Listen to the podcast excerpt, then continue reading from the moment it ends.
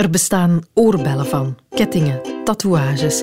Je ziet het op tassen, mokken, pennenzakken, petten, t-shirts, knielappen, pins en badges van die gelnagelplaktoestanden, kraaltjes. Er bestaan zelfs croque-monsieur-machines die het in je broodje branden. Het vredesteken. Het is overal te zien. De cirkel met de drie pikkel die naar beneden wijst. Het symbool van vrede. Maar waar komt het vandaan? Ik ben Sophie Lemaire en dit is een snelle geschiedenis van het vredesteken. Het is zo'n universeel bekend symbool dat je zou durven denken dat het er altijd gewoon geweest is. Maar dat is dus niet zo. Het vredesteken werd begin februari 1958 bedacht door een Brit, Gerald Holtom. Een weinig succesvolle kunstenaar die in zijn vrije tijd lid was van de DAC, de Direct Action Committee Against Nuclear War het directactiecomité tegen nucleaire oorlog. Een van de vele actiecomité's die toen protesteerden tegen de deelname van Groot-Brittannië aan de nucleaire wapenwetloop van die tijd. Het is volle koude oorlog. En de DAC heeft grote plannen. Ze willen namelijk dat jaar op 4 april een grote vierdaagse protestmars organiseren van Trafalgar Square in Londen tot aan een nucleaire site in Berkshire, 84 kilometer verderop. En daarvoor, zeggen ze, tijdens een van hun vergaderingen in een klein kamertje dat ze huren boven een winkeltje in de hoofdstad, daarvoor zouden we nog goed symbool kunnen gebruiken. Een logo, iets herkenbaars, iets dat toont waar we voor staan en dat we gemakkelijk ook op duizend posters en spandoeken en affiches en badges kunnen zetten. En ze vragen Gerald, kunt jij zo niks bedenken? Ja, ja, ja, ja. Of sure, is dat dan in het Engels? Zegt Gerald. En al na een paar dagen staat hij terug bij zijn collega's van de DAC met onder zijn arm een mapje. Het is dan 21 februari 1958. Een historische dag, want die dag krijgen de leden van de DAC als eerste ter wereld het vredesteken te zien.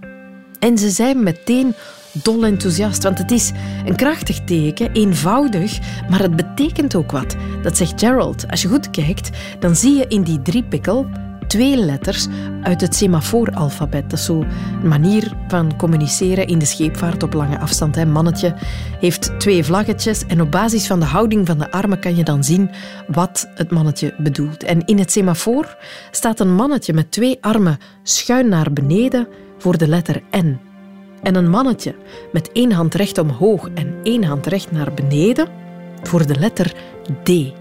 N-D. Nuclear disarmament, nucleaire ontwapening. Die letters zitten in die driepikkel van het vredesteken verwerkt. Oh, great job, Gerald, roept iedereen. You're the man. You're the man. You're the man. Zoiets beeld ik mij toch in. En 4 april breekt aan en op de BBC horen de kijkers s'avonds dit verslag.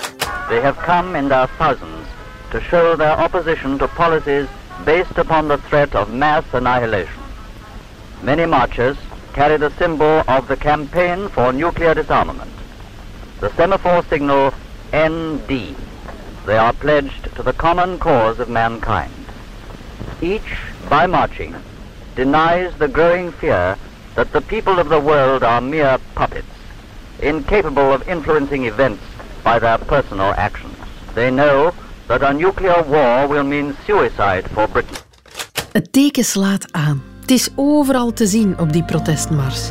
En de mars zelf slaat ook aan, want die tocht wordt in de jaren nadien nog vele malen herhaald. En zo komt het dat op een dag de Amerikaanse Bayard Rustin meeloopt. Dat is een Amerikaanse burgerrechtenactivist, iemand uit de entourage van Martin Luther King. En die neemt het symbool mee naar huis en gebruikt het daar voor hun activiteiten. En plots is het teken ook te zien bij protesten tegen de oorlog in Vietnam. En de hippies die gaan ermee aan de haal. En zo krijgt dat vredesteken langzaamaan een veel bredere betekenis dan alleen als protestsymbool tegen nucleaire bewapening. En Gerald Holton die ziet dat en die vindt het allemaal dik oké. Hij heeft bewust nooit een patent op zijn tekentje genomen, zodat iedereen het altijd zou kunnen gebruiken om te strijden voor een betere wereld. En daarom staat dat teken vandaag overal op. Je boekentas, je nagels en je brand in je croque monsieur.